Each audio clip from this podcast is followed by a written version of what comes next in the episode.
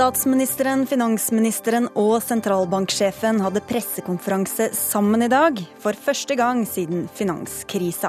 Hva sier det om tilstanden i norsk økonomi? Regjeringa snur ryggen til oljenæringa, sukker norsk olje og gass. Det var da veldig hårsårt, svarer Høyre overrasket. Og Innovasjon Norge vil markedsføre Norge som en merkevare. Komisk og usmakelig å snakke sånn om landet vårt, mener kommentator.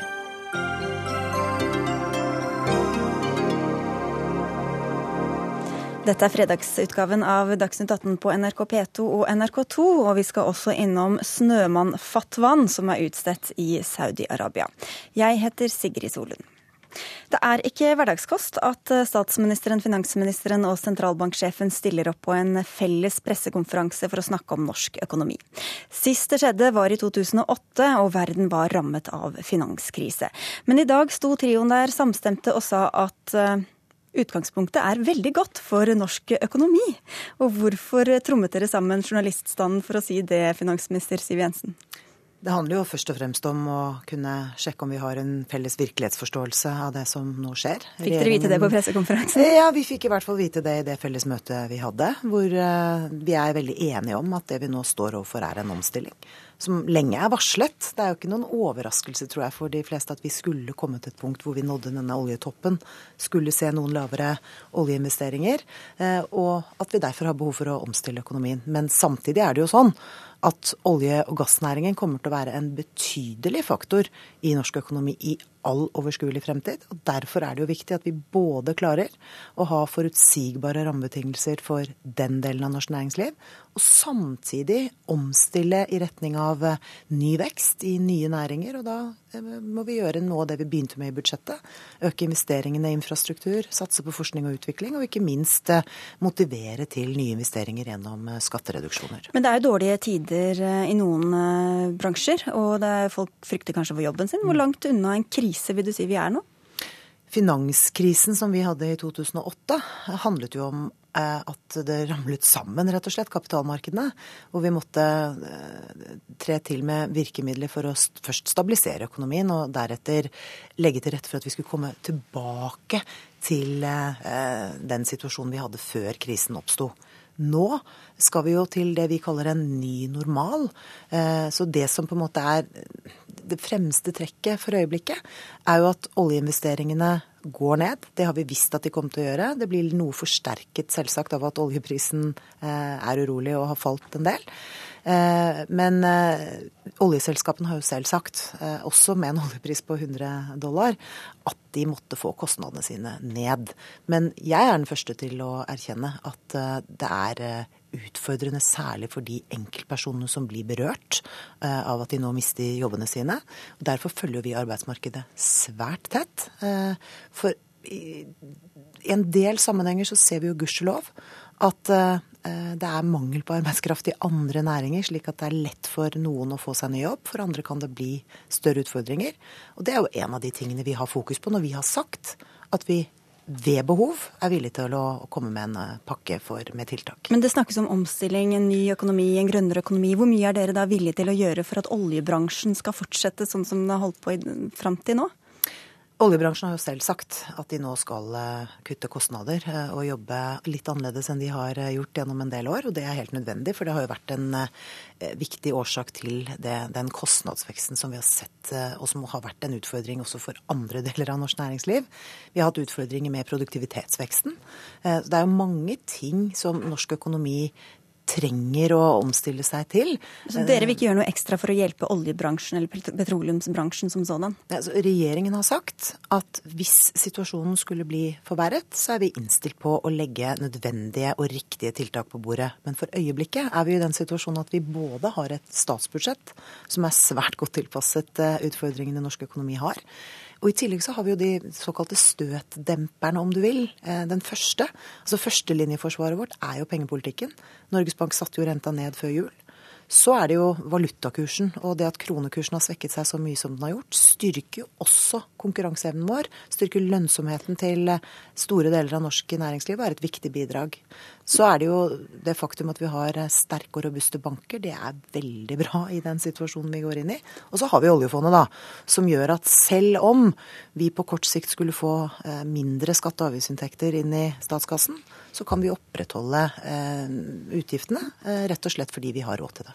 Men du var inne på finanskrisen selv. Da dro daværende finansminister Kristin Halvorsen eh, det store gullkortet og sprøyta penger inn i norsk økonomi. Hva skal, det, hva skal til for at dere gjør det, altså går lenger enn de tiltakene som du nå snakker, som er førstelinjetjenesten, som du sier? Det er hvis vi får en forverret situasjon som krever at vi kommer med tiltak i finanspolitikken også.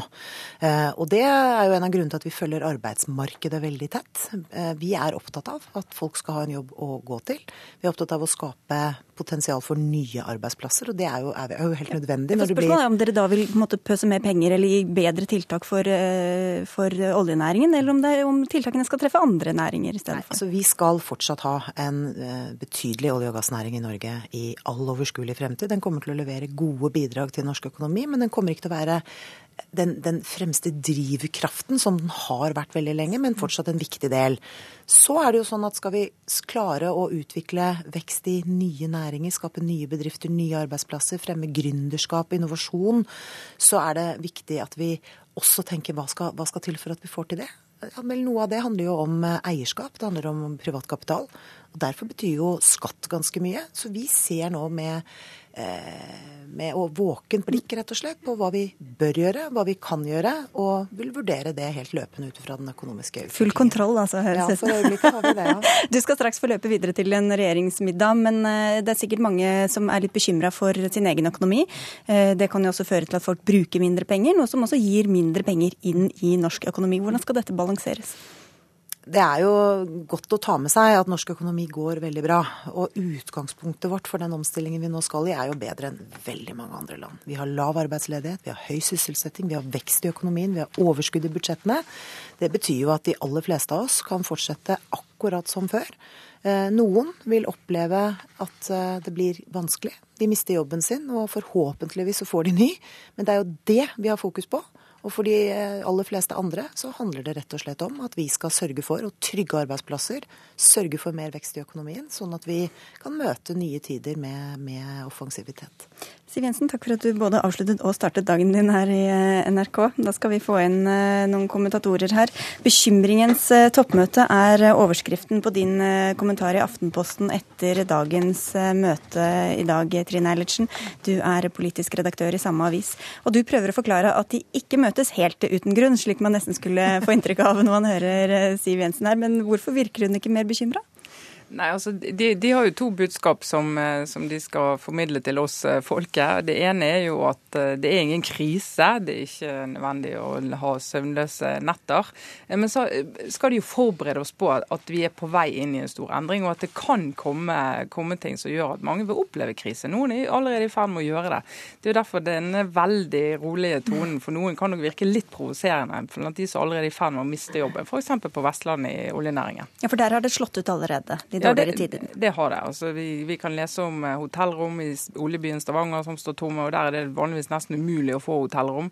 Vi kan lese om eh, leverandørbedrifter som, eh, som strever, og vi leser om mange mange hundre som har mistet jobben allerede. Så de er jo godt i gang med en endring som handler både om oljepris og om lavere oljeinvesteringer. Lars Nehru Sand, du er politisk kommentator her i NRK. og Du var på pressekonferansen i dag og spurte Siv Jensen om hvordan situasjonen påvirker planlegginga med revidert budsjett, som de nå skal i gang med. Hva svarte hun?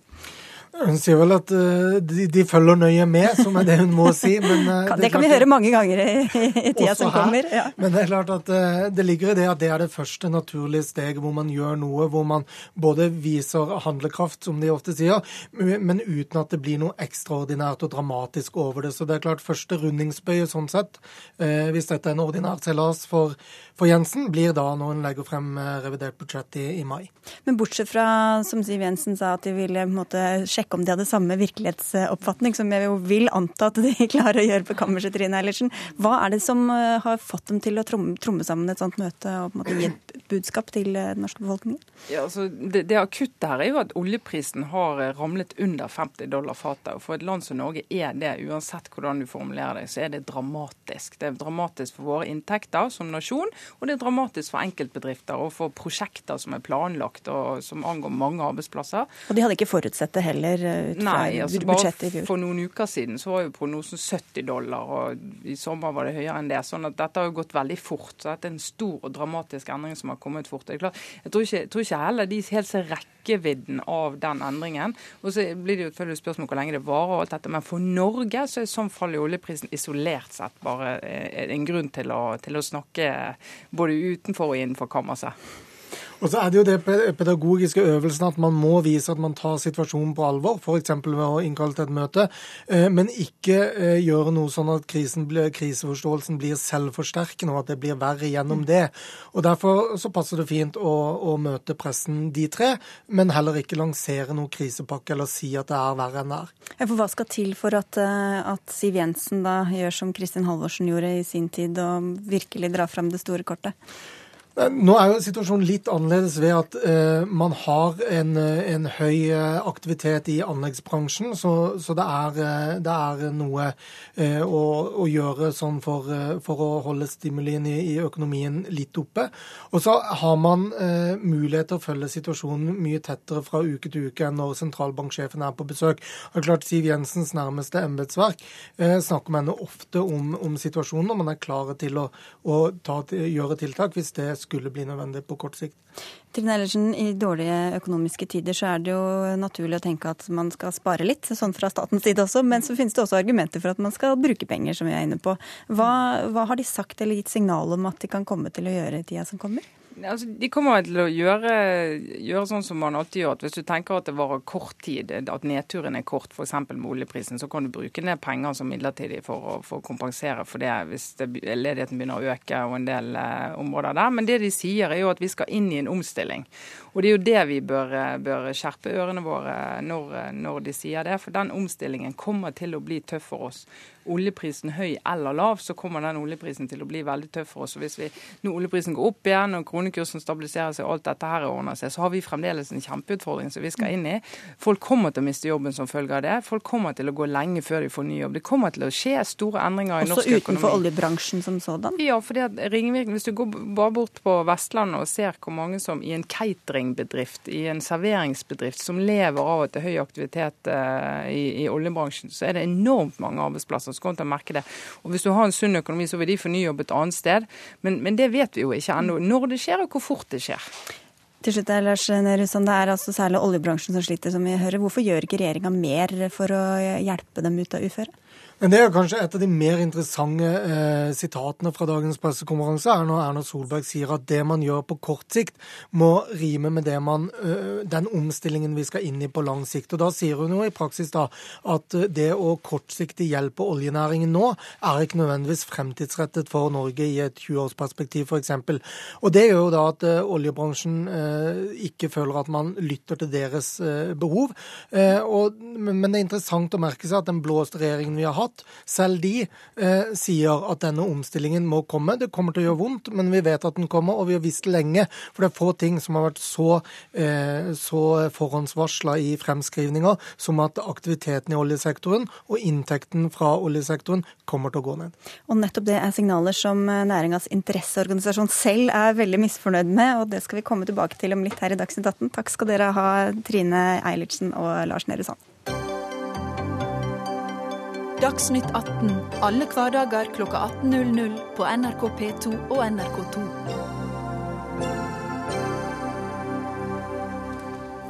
I dag blir det klart at kvinnen som sprengte seg selv i lufta i Istanbul i forrige uke, var enka til en norsk jihadist. Samtidig melder CNN om 20 sovende terrorceller som er klare til å slå til i fire europeiske land.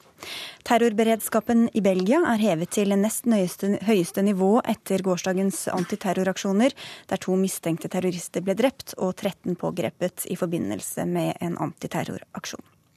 Utenriksmedarbeider her i NRK Charlotte Bergløf, hva mer vet om denne kvinnen som sprengte seg selv? Jo, det skal ha vært en 18 år gammel pike fra Dagestan, den russiske republikken. Hun skal ha møtt denne nordmannen og giftet seg med han i fjor sommer. Deretter reiste de videre til Syria sammen. Og det var da han sluttet seg til IS at radikaliseringsprosessen begynte. Hun skal da ha lagt om livsstil, begynt å gå med religiøse klesplagg som nikab osv. Eh, deretter så skal ekteparet ha blitt gravide, men så døde altså mannen hennes i en bombeeksplosjon i desember. Hun flyttet da inn i et enkehjem i Syria, men dro så videre til Tyrkia. Og svigerfamilien hennes her i Norge har hatt jevnlig kontakt med henne, og meningen var at de skulle ned og møte henne nå i januar. Og de hadde ingen indikasjoner på at hun kom til å gjøre noe annet enn det. Men så kommer altså denne sjokkmeldingen om at hun har gått inn på en politistasjon og sprengt seg selv i luften og tatt en politimann med seg i døden. Og Samtidig kommer det altså meldinger fra Belgia hvor de sier at de er eh, klare til å mobilisere hæren for å øke sikkerheten i landet.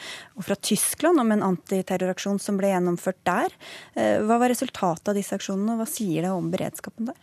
Ja, Hvis vi ser på Tyskland først, så raidet altså 250 politifolk elleve adresser eh, i natt med mistenkning om at det var personer der tilknyttet eh, radikale islamister i Berlin.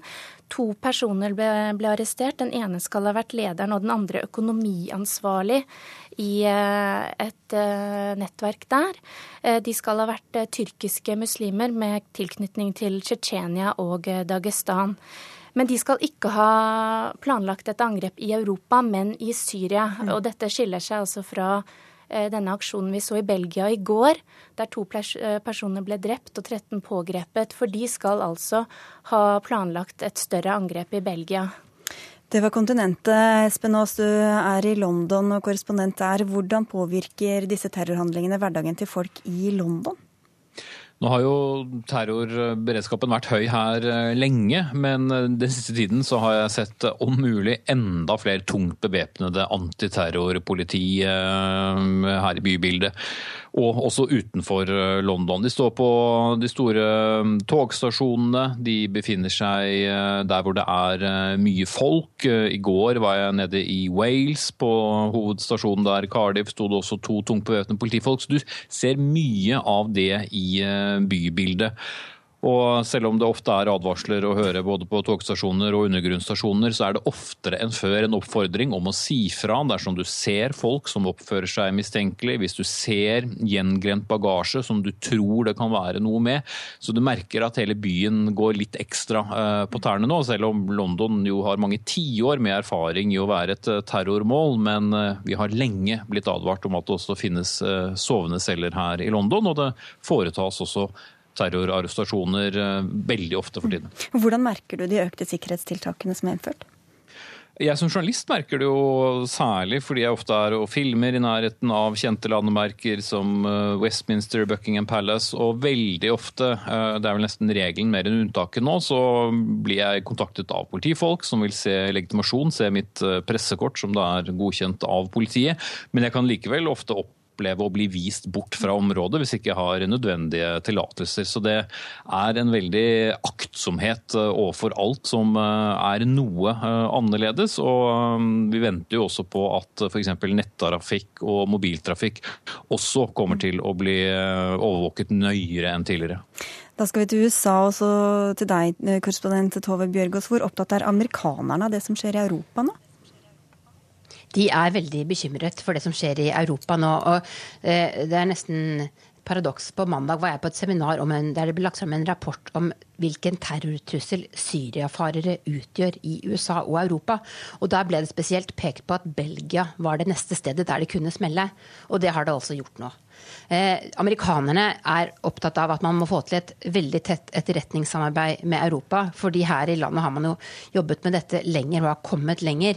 Og også fordi man er bekymret for at islamistisk terror er en mye større trussel for Europa nå. Rett og slett pga en stor muslimsk befolkning som ikke er godt integrert i f.eks. Frankrike, Belgia og for så vidt også Skandinavia. Eh, her er det en annen situasjon. Her er det en mindre muslimsk befolkning som er bedre integrert i samfunnet, mener man. Og akkurat dette med sikkerhet og etterretning var vel tema da Storbritannias statsminister David Cameron og president Barack Obama snakket sammen. Hva vet vi om det de har samtalt om så langt? Ja, de har sittet sammen nå i to dager og, og fortsetter nå pga. det som har skjedd eh, det siste døgnet. Jeg skal ha en pressekonferanse nå om få minutter. Det de har sagt så langt, er at de ønsker et enda tettere etterretningssamarbeid både mellom Storbritannia og USA og andre, altså EU og USA.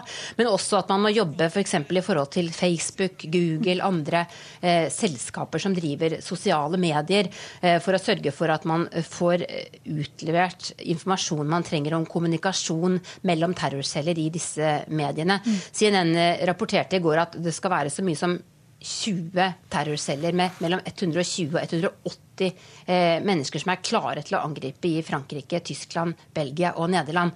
Eh, sånn at det er, det er, Dette er den store saken selvsagt på møtet, og vi får altså vite mer på en eh, pressekonferanse om få minutter. Du følger med. Seniorrådgiver i Norsk psykologforening, Anders Skuterud.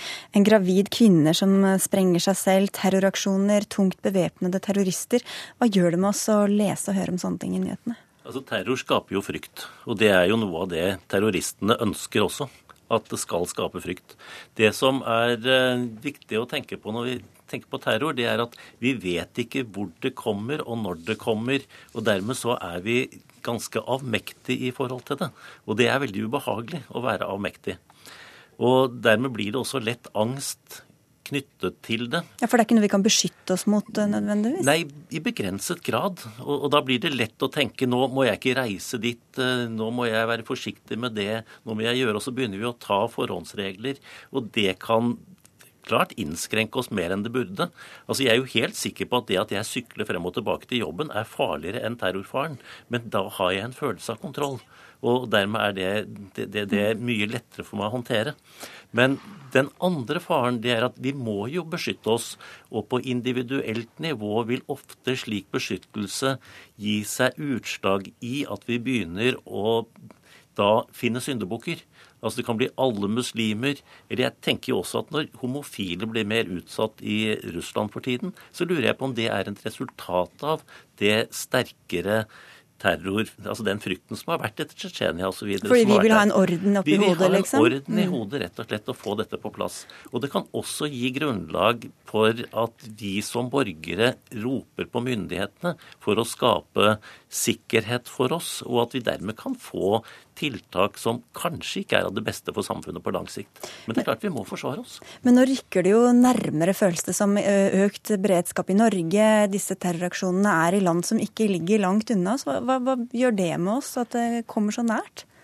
Altså det, det blir mer og mer Jeg tror jo noe av det som skjedde etter 22. juli, det var at vi fikk plassert dette på en ganske god måte for oss psykologisk, slik at vi tenkte at dette er ikke noe jeg må fortsette å være redd for. Mm. Men dette her må vi fortsette å være redd for.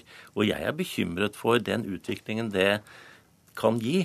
Men, men jeg vil virkelig utfordre alle til ikke å endre oppførsel, fortsette å gjøre som en er, og prøve å håndtere dette på en roligst mulig måte. Ja, Hvordan kan man mentalt gjøre det, da? For liksom, å ta det realistisk? Men, for det er jo veldig skremmende, samtidig som man skal ha en slags sånn eh, realistisk tilnærming til det. Jeg tror det er veldig viktig å minne seg på at det er ganske mye vi gjør som er farlig. Og at vi faktisk må leve med farlighet. Og nå har vi fått én dimensjon til til det. Det liker vi fryktelig dårlig. Men jeg tror det er viktig at vi prøver å ta inn det også en ser jo Nå hørte jeg jo fra London at den har eh, si, virkelig fått mye mer vakthold og mye mer dvepning der. Ja, bare for å si det, så kom det også melding nå at de skal overvåke alle jødiske nabolag. Så det er uh, nye mm. tiltak mm. stadig. Ja, det er klart jødene er en av disse gruppene som veldig ofte rammes når det blir mer hat i et samfunn. Og det er hatet som kommer etter at vi blir redde. Mm. Dette, Nå har vi snakket om hva vanlige folk føler, for å si det sånn. Hva med litt ustabile mennesker? Er det fare for at eh, noen kan la seg inspirere av det vi hører om terrorangrep? Altså, Jeg tenker nok eh, at mange av de som da ikke har muslimsk bakgrunn, og som kan ende ut som ekstremister, det er mennesker som nettopp har et utenforskap, har ganske store problemer, og som finner dette som en slags løsning. Og det må vi forvente i Norge. Kanskje de for ti år siden hadde blitt stoffmisbrukere, nå kan det bli terrorister. Altså, den type problematikk tror jeg vi må være forberedt på. Anders Skutterud, takk for at du kom til Dagsnytt 18. Takk også til Charlotte Bergløf, til Espen Aas og Tove Bjørgaas.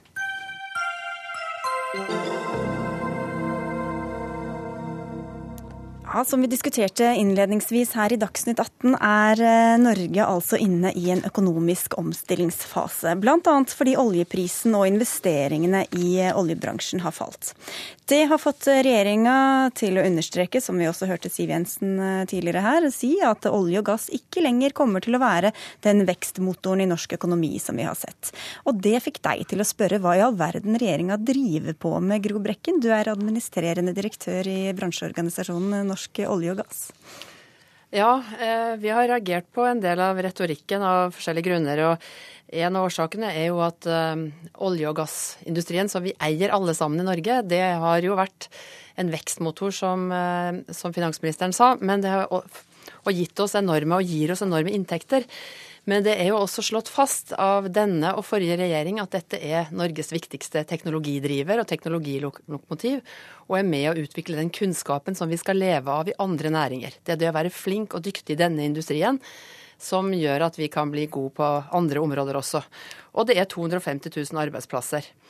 Og nå har vi varslet at det vil være en omstilling, sånn som du nevnte, at investeringsnivået går ned fra et rekordhøyt nivå men fortsatt det veldig høyt. Det er fortsatt det tredje høyeste i de fem, snart 50 årene vi har holdt på, i år i 2015. Eh, og det er også slik at eh, vi har fått for høye kostnader i industrien. og disse to tingene er jo noe som industrien tar ansvar for selv og gjør omstillinger på. Men du sier altså til E24 at de prater ned den viktigste industrien. Og hva er det de gjør som, eh, som eh, prater ned industrien utover det å beskrive sannheten eller virkeligheten sånn som de ser den? Ja, virkeligheten sånn som de ser den handler jo også om at det en, eh, en oljepris som har falt til under 50 dollar fatet. Det har ikke vært varslet. Det er ikke en krise eller en sånn omstilling som har vært varslet av noen. Og det er en, det er en del av det, det vanskelige med å være i olje- og gass verftsindustrien, som er en syklisk bransje hvor ting går opp og ned, samtidig som vi har en langsiktighet. Og når det snakkes om Jeg opplever at det var en fantastisk flott og balansert nyttårstale av statsministeren i år. Men etter nyttår har jeg hørt både flere ministre snakke om dette som en omstilling til noe helt annet enn det som går frem av de langsiktige meldingene og regjeringens egen melding om olje- og gassindustrien. Altså en, en omstilling som handler om hva som skulle skjedd om, skal skje om 50-60 år.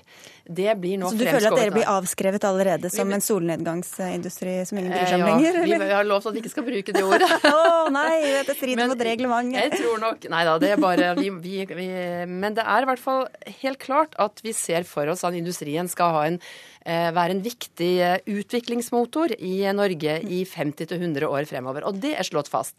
Og når jeg syns retorikken er uheldig, så er det jo fordi det skremmer ungdom fra å søke seg til, til jobbene. Det er det ene. Og det andre er at vi også trenger noe hjelp til å komme oss videre. Skjønner. Det var flere ting her. Altså, Tine Brudd, du er petroleumspolitisk talskvinne for eh, Høyre.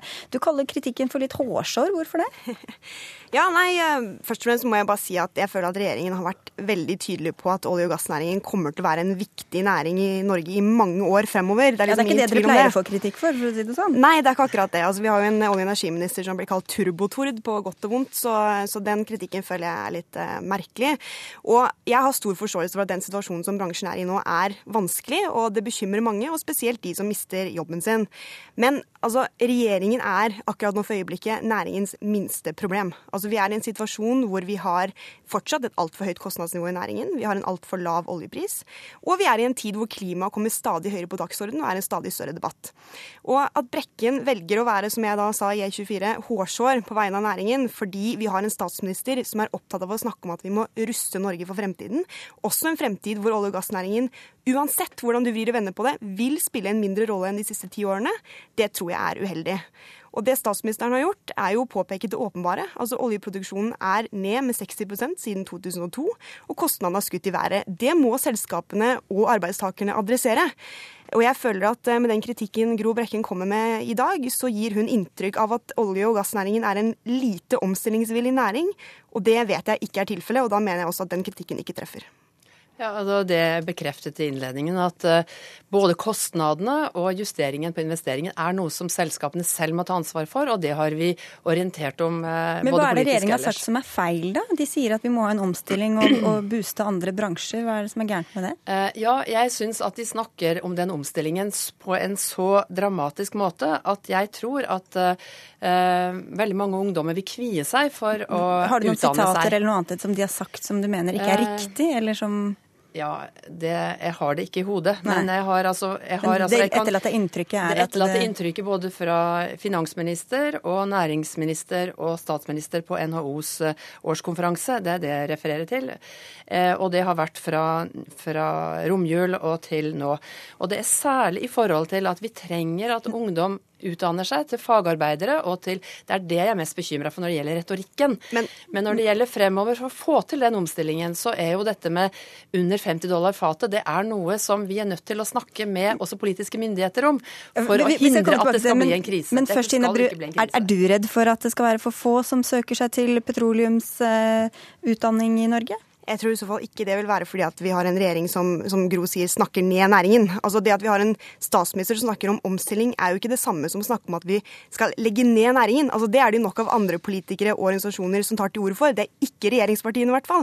Dette handler jo om å ha to tanker i hodet på en gang. Altså Vi skal ikke bygge ned næring, men vi skal bygge opp nye og tilpasse oss en ny normal i oljebransjen. Vi har vært kjempetydelige på at denne bransjen skal være viktig fremover. Og hva er det bransjen selv etterlyser når man snakker om dette? Jo, de sier vi må ha forutsigbare rammevilkår og så må vi gi tilgang til nytt areal. Det er det viktigste for regjeringen. og Derfor blir jo denne 23. konsesjonsrunden, som jeg nå forventer er rett rundt svingen fra regjeringen Den kommer i neste uke. det forventer jeg at den gjør. Men Gro Brekken, hva egentlig er det du vil du sier rammevilkår, eller hva er det du etterlyser fra ja, regjeringa da? Altså, hvis vi tar bort dette med retorikken og mm. ungdom, så er vi opptatt av at det som vi er gjennom nå, den sykliske endringen som handler om oljepris under 50 dollar, den må ikke bli en krise for industrien. Vi har en posisjon i norsk oljeindustri oljeindustri som verdens ledende offshorenasjon på teknologi. Og det, selv om det mindre, kommer til å ha mindre betydning, jeg er enig med deg, eh, Tina, i det, eh, litt mindre, så kan vi fortsatt, og skal vi fortsatt, være eh, verdens ledende når det gjelder Hva er det du vil ha? Endrede skatteregler, eller mer ja, gunstigere altså, vilkår, eller hva?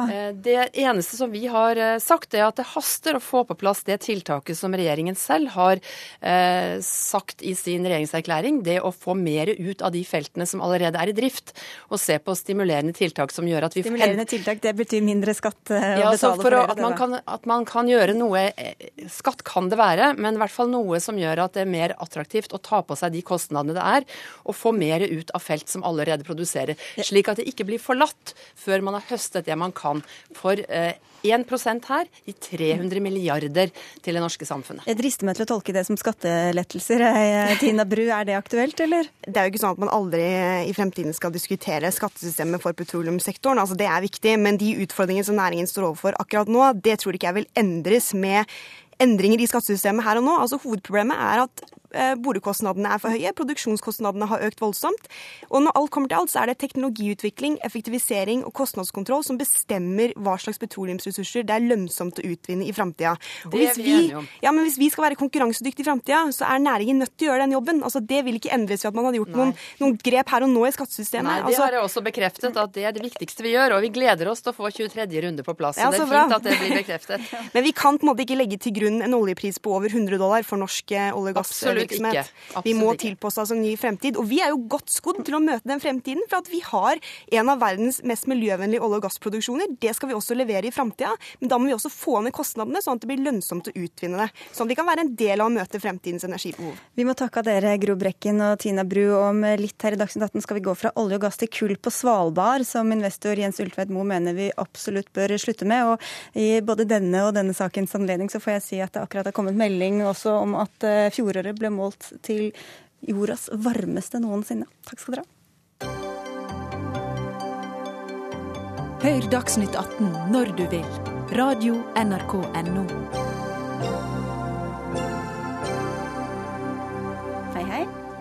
det skulle ikke komme ut, men det gjorde det.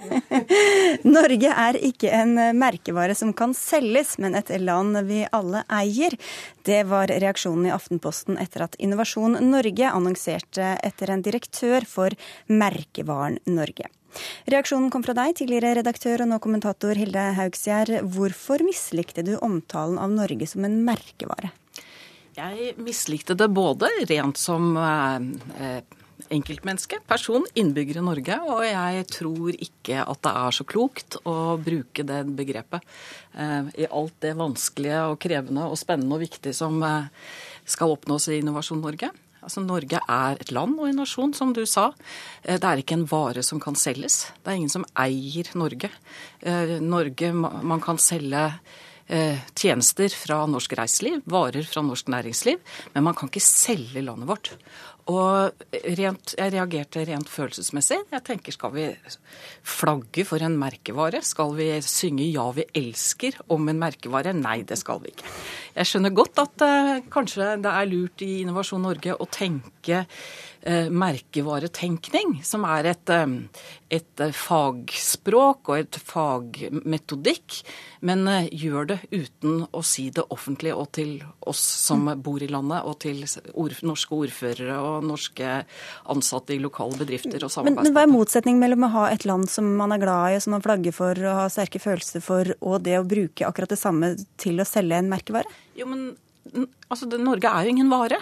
Det er, altså, det er ulogisk, det er galt, det er feil. Det er, øh, og det er Jeg tror også at det gir litt assosiasjoner med noe Eh, med noe liksom utspekulert kommersielt som vi ikke liker at skal bli en merkelapp på det som vi tenker på som et land og en nasjon som vi alle eier og alle er glad i. Det var altså dere som eh, hadde denne stillingsutlysningen. Anita Krohn Traaseth, du er direktør i Innovasjon Norge. Hvorfor vil dere omtale en nasjon som et eh, merkevare? Vi hadde et stort behov for å både endre og omstille oss i Innovasjon Norge som selskap. Og eh, vi opprettet da divisjonen Merkevaren Norge. Og det som ligger inn i den divisjonen, det er jo all satsingen vår på reiseliv. Det er det å investere i Norge, eh, få fram norsk næringsliv og kunnskap og kompetanse ut internasjonalt. Jeg mener nok eh, personlig at eh, den balansen mellom hvordan vi har satset på det, har vært veldig mye i henhold til de assosiasjonene som, som Haugsgjerdet har mot reiseliv. Men nå er det sånn at eh, fjell og skoger og, og hav og fjorder selger ikke seg selv lenger. Og i det skiftet som vi er i nå, både internasjonalt med klimakrisen og det skiftet vi er i norsk økonomi, så er behovet, i hvert fall når jeg er ute da, rundt uh, Sist var jeg hos uh, Nordlands fylkeskommune. Vi har et veldig behov for å samle oss og bli konkrete.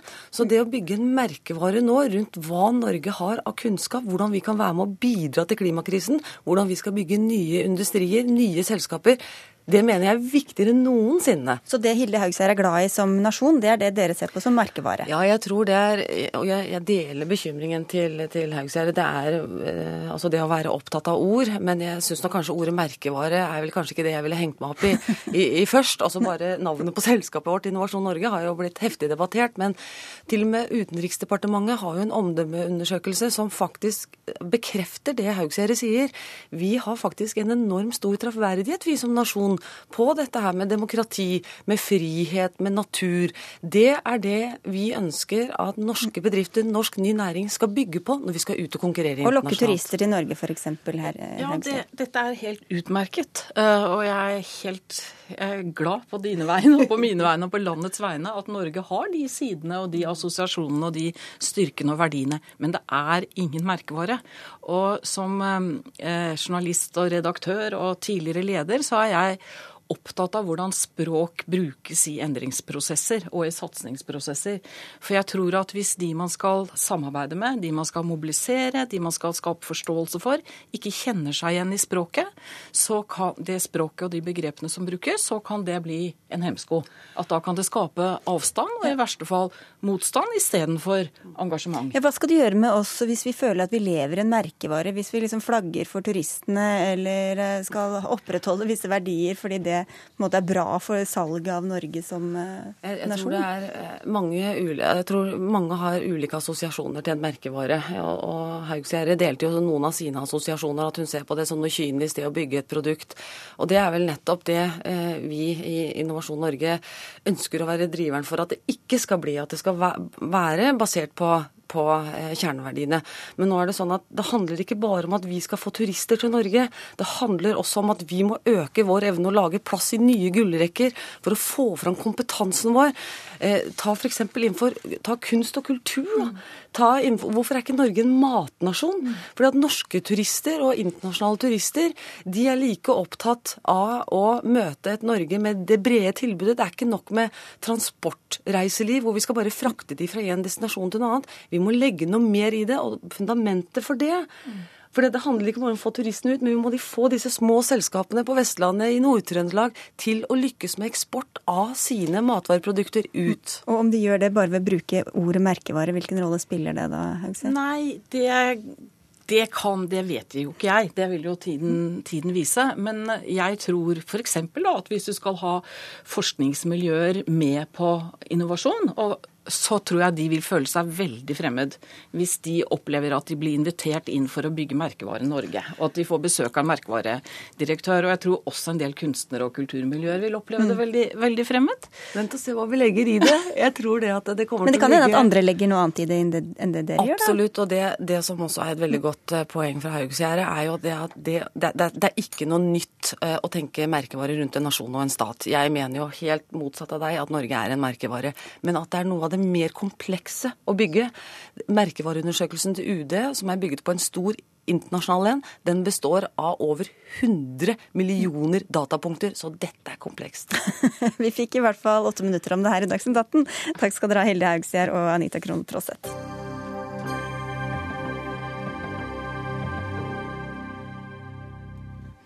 Store Norske Spitsbergen Kullkompani ber staten om 400 millioner kroner i lån for å fortsette kulldriften på Svalbard. Det kom fram etter at styret i det statseide selskapet la fram en plan i dag for å få hjørnesteinsbedriften på Svalbard ut av krisa. Selskapet antar at fjoråret gir et tap på 537 millioner kroner. Og det er grunn god nok i seg selv til å kutte ut kulldriften, mener du, investor Jens Ulfveiten? Ja, det mener jeg. Det, men det er jo en grunn til. Altså, jeg har mer erfaring enn de fleste i å tape penger i å snu bedrifter. Da må det være en fremtid for produktet. For kull er det ingen fremtid. Kull ødelegger kloden, det er det verste til CO2-utslippene. Og det er nødvendig i en overgangsfase å ha det. Eh, men på Svalbard er det både et endeløst pengesluk og, og miljøødeleggende og ødeleggende for Norge som et, vårt klimaalibi. Mm. Anette Malm Justad, du er arbeidende styreleder i Store Norske Spitsbergen Kullkompani, og la altså fram denne rapporten og ba om mer penger eh, i dag. Hvorfor skal norske skattebetalere betale for å utvinne noe som ødelegger kloden, som Ultvedt sier? Vi kan jo begynne med hvorfor dette med de norske skattebetalerne. fordi det er jo ikke det som er planen. Eh, I de siste ti årene så har dette selskapet tjent 1,9 milliarder kroner og betalt 500 millioner i utbytte til staten. Det vi ber om nå, er et lån for å finansiere virksomheten gjennom en periode der kullprisene er ekstremt lave. Men Tror du at det vil øke? Tror du at etterspørselen etter kull vil gå i været etter hvert? For å si det slik, så jeg, håper jeg jo på et vis at den ikke vil det. fordi jeg er jo ikke annerledes enn de fleste andre som også ser at vi i verden har en betydelig utfordring knyttet til CO2-utslipp og klima. Det er en erkjennelse som vi alle må gjøre og ta inn over oss. Så, så det er alltid noen dilemmaer her. På en annen side så er det også et faktum at 40 eh, av verdens kraftproduksjon er basert på kull. Og veldig mange mennesker i verden har det ikke. Slik at jeg tror ikke at kull øh, bruken kommer til å falle på kort sikt. Det betyr også at sannsynligvis at prisene vil komme noe opp. Men for å spørre mer konkret, da, hvorfor skal vi ha en drift der som altså både er ulønnsom og veldig forurensende for klima, klimaet, ødeleggende for klimaet? Jeg tenker at det er et eiers privilegium, akkurat som Jens Ulltveit Moe, som er investor, som eier. Det er et eiers privilegium å bestemme hva de vil investere pengene sine i. Staten har eh, sagt, til, har sagt, som rammebetingelser at dette selskapet skal være lønnsomt. Det er det ikke for, for, øyeblikket, og det må vi arbeide med.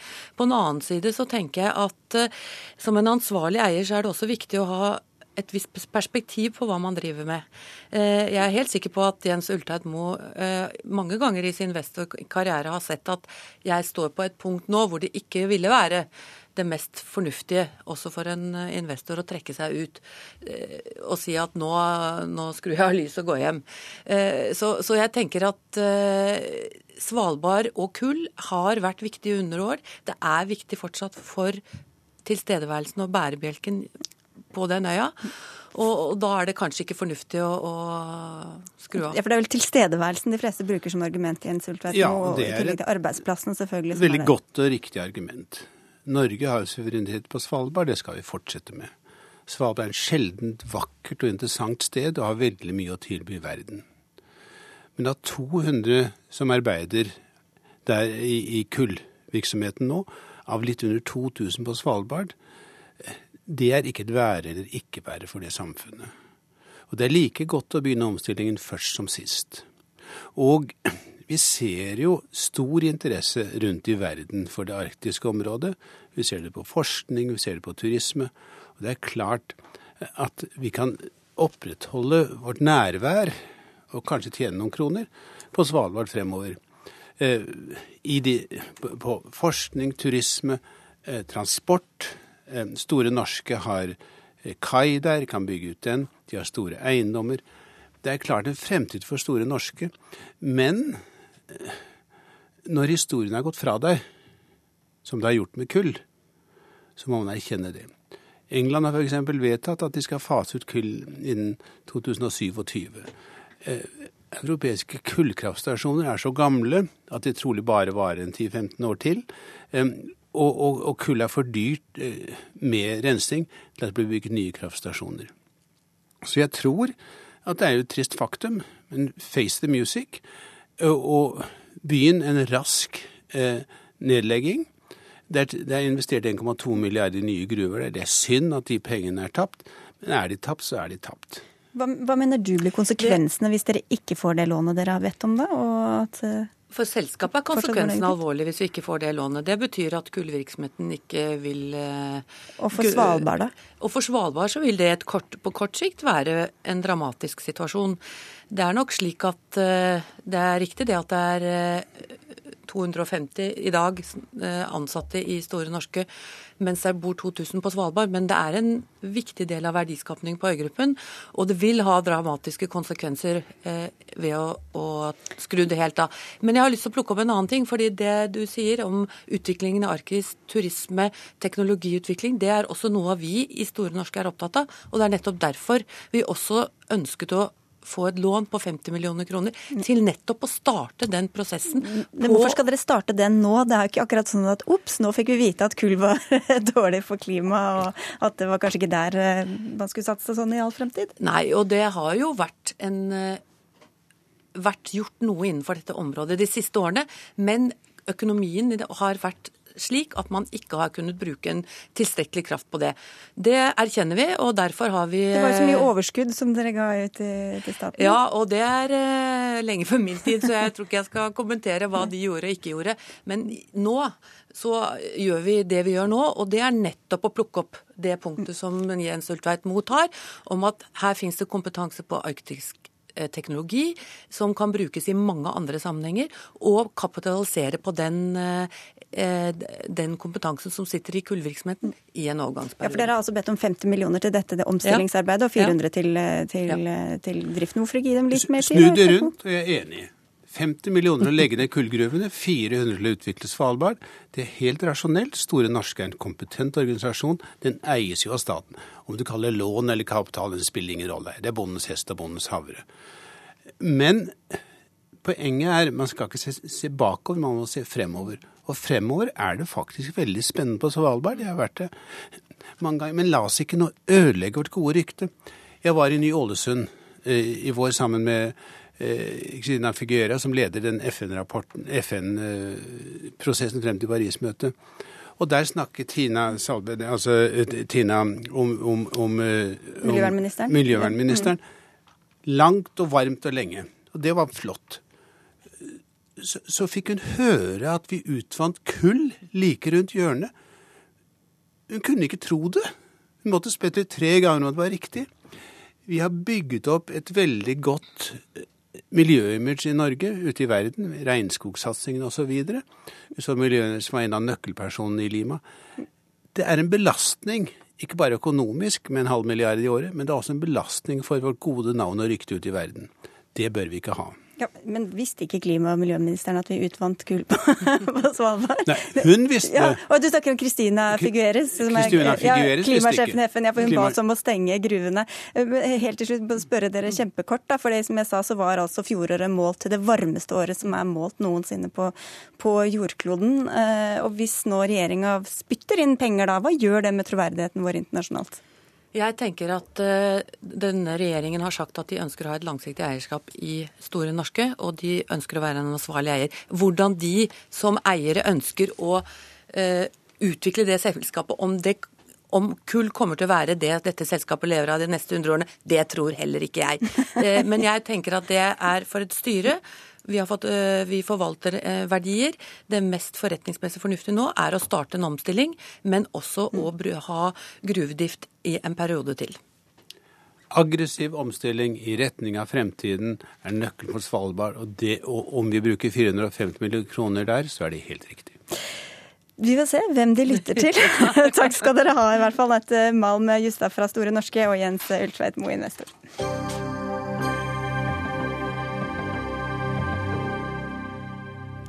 Nå om noe som er veldig uskyldig for de fleste av oss, men svært syndig åpenbart for noen. Snøen har nemlig nådd det nordlige Saudi-Arabia, og det har fått en imam til å utstede en fatwa, en slags religiøs lovtolkning som sier at voksne ikke får hjelpe barn med å lage snømann, fordi det er synd å lage framstillinger av levende vesener. Men hvordan kan en snømann være syndig, religionsforsker Kari Vogt? Ja, det høres jo litt pussig ut.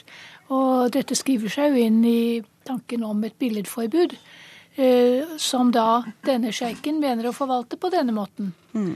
Eh, det eh, er flere slike fatwaer som eh, forbyr forskjellige fremstillinger av levende vesener. Hvis vi kan kalle en snemann et levende vesen, da. Det er vel mest i tegnefilmene, men eh, det, er hvert fall, det, kan, det kan minne om et eh, levende vesen. Men hvorfor eh, kommer dette akkurat i Saudi-Arabia, tror du? Eh, Saudi-Arabia har en eh, streng lovskole. Eh, Hovedlovskolen der forbyr slike uttrykk, eller har iallfall et strengt forhold til det. Og så er det jo da, hører det med til dette bildet at ikke alle tolker på samme vis, og at det er mange forskjellige tolkninger. Og vi kan se gjennom, følge, dette gjennom historien og se hvordan andre religioner i regionen, både jødedom og, og kristendom, har, har hatt tilsvarende eller lignende regler. Eh, Og vi kan se gjennom historien hvordan billedforbudet i islam har vært tolket på mange forskjellige måter. Så dette er ikke enestående for Dette islam ikke sånn enestående historisk? for islam. Nå skal det jo sies at det var jo i hvert fall eh, barna fikk lov til å bygge disse snømennene. Sånn sett var dette liberalt. ja. Men hvor utbredt er denne strenge tolkningen av billedforbudet? Det er i og for seg utbredt internasjonalt, kan du si, altså over hele verden. De gruppene som følger slike, strengt slike regler. Eh, Så det er ikke bare Saudi-Arabia det dreier seg om, men eh, også andre mindre grupper over hele verden. Basim Goslan, du er forstander i Det islamske forbundet i eh, Norge. Hva tenkte du da du hørte om denne snømann-fatwaen? Altså, jeg blir ikke overrasket over slikt. Men dette er helt typisk sak på eh, mennesker som gjør islam til så vanskelig og så rar og fremmed religion. Eh, Koranen slår fast på, også gang på gang at religionen egentlig er veldig lett. At den passer til menneskets eh, natur. Og så kommer noen mennesker og gjør det om til så vanskelig og, og fremmed som dette. Altså De religiøse tekstene, akkurat som Kari Vogt sier, de finnes. Men så kommer tolkningsspørsmål, da. Og tolkninger finnes over hele spekteret. Fra det å forby all avbilding, til og med det å ta bilde med mobilen sin av et menneske eller av en fisk, f.eks., er forbudt. Den strengeste tolkningen. Til det å bare mene at bilder av slags avguder, mm. bilder som man har til hensikt å tilbe, som er forbudt. Mens alle andre typer bilder er greit. Mm. Og folk da akkurat i den kanten, den delen av verden, velger som regel de aller vanskeligste og rareste tolkninger som har funnet sted gjennom historien. Hvordan er det du og andre, si majoriteten av muslimer i Norge og andre land for så vidt også tolker og måtte, bruker dette billedforbudet? da? Altså, jeg kan snakke om meg selv, for muslimer er jo veldig forskjellige. Eh, spekteret som sagt er veldig stort. Jeg har aldri tenkt, og jeg kan ikke tenke meg å, å la være å lage snømann fordi det er haram eller forbudt i islam. Det er ikke men dere tar bilder av hverandre, henger på veggen? Og... Ja, masse bilder og ja. alt mulig. Vi tar bilder. Eh, men vi forbinder jo fatwa gjerne med noe veldig fælt. Og en, liksom Salman Rushdie, og det skal skje grusomme ting med den som har fått denne fatwaen på seg. Nå er det jo ikke så mye fælt som kan skje med en snømann, selvfølgelig, annet enn at sola dukker opp. Men hva, hva slags liksom, straffer er det som venter den som Jeg tror man må simpelthen eh, redusere dette, eller eh, plassere dette fatwa Eh, fenomenet på en mer realistisk måte og si at det er en religiøs erklæring. Det er ikke noe annet som bygger på islamsk lov. Eh, som er utstedt av en eh, Vi har fått litt gale assosiasjoner ja, vi har fått helt gale, eller helt gale assosiasjoner, egentlig, i forhold til dette. Men så finnes det jo fatwaer som har et truende innhold. Det vet vi jo også. Mens de fleste, aller fleste fatwaer er jo ganske eh, alminnelige, praktiske svar på praktiske spørsmål. Mm. Og Nå hørte vi jo litt om hvordan dette praktiseres uh, ulikt, men hva er måte de vanligste tolkningene av det billedforbudet i islam? De vanligste tolkningene er jo at man ikke er fullt så redd for bilder eller fremstillinger av levende vesener som dette eksempelet skulle tilsi, men at man kan fremstille og lese, lese bøker f.eks. med bilder i, eller Eh, ha utsmykninger. Men det som det advares sterkt mot, det er jo satiriske bilder, eller spot, eh, som eh, trekker inn temaer fra religionen. Det mm. ser man ikke på med blide øyne. Ja, Det har vi jo sett den siste uka med karikaturene. Det har vi jo sett en del eksempler på. Men fremstilling av religiøse personer eller, eller guddommelige skikkelser, det advares det også mot, men det forekommer. Mm. Altså der hvor det er respektfullt gjort, der eh, forekommer det. Hvorfor er det så konservativt akkurat i Saudi-Arabia, tror du, Gosland? Det er vanskelig å si, men sånn er det. Og det er viktig at vi vet det, at, at vi vet at uh, det finnes stor variasjon blant uh, tolkninger av hva Koranen sier, og hva de islamske uh, budskapene er. Og at man reflekterer selv, og ikke bare importerer den ene eller andre fatwa. Hva kommer det opprinnelig fra Karifok, dette, at man ikke skal vise ansikter eller levende vesener? Eh, som sagt, det er flere av eh, Midtøstens religioner som har dette forbudet, eller har tilsvarende forbud. Eh, og det forankres i islamsk sammenheng med, et, en, et, vers i Koranen hvor det står at Gud er den eneste skaper og som eneste former. Han er skaperen og formeren. Og man skal ikke være Guds rival, på en måte. Altså sette noe opp ved siden av ham. Og dette kommer jo også i sammenheng med kulturer som har hatt avgudsdyrkelse. Altså at eh, i form av steinkult eller gudebilder i det hele tatt. Slik at man tar man markerer et brudd med det som var tidligere, og som var hedendommens tid, og eh, fremhever den nye orden. Og dette ser vi mange eksempler på. Men dere kan tegne, uten, tegne noen uten at det er noe skummelt? Vi tegner. Lager snømenn også. og pepperkakemenn. Ja, For det var de heller ikke så glad i Ja. i Saudi-Arabia. Jeg. det Vet ikke hvor vanlig det er der, men Man brekker hodet av dem, fikk jeg vite. Ja, det, det var bare forslag, da. Ja, ja, men så kan man spise dem etterpå. Da er det ikke så farlig. Takk skal dere ha i hvert fall for at dere kom til Dagsnytt 18 i dag, eh, Kari Vogt og Basim Goslan. Sendingen vår er nemlig over. Det var Ida Tune Øretsland som hadde ansvaret for innholdet. Den teknisk ansvarlige var Eli Kyrkjebø, og jeg heter Sigrid Elise Solund.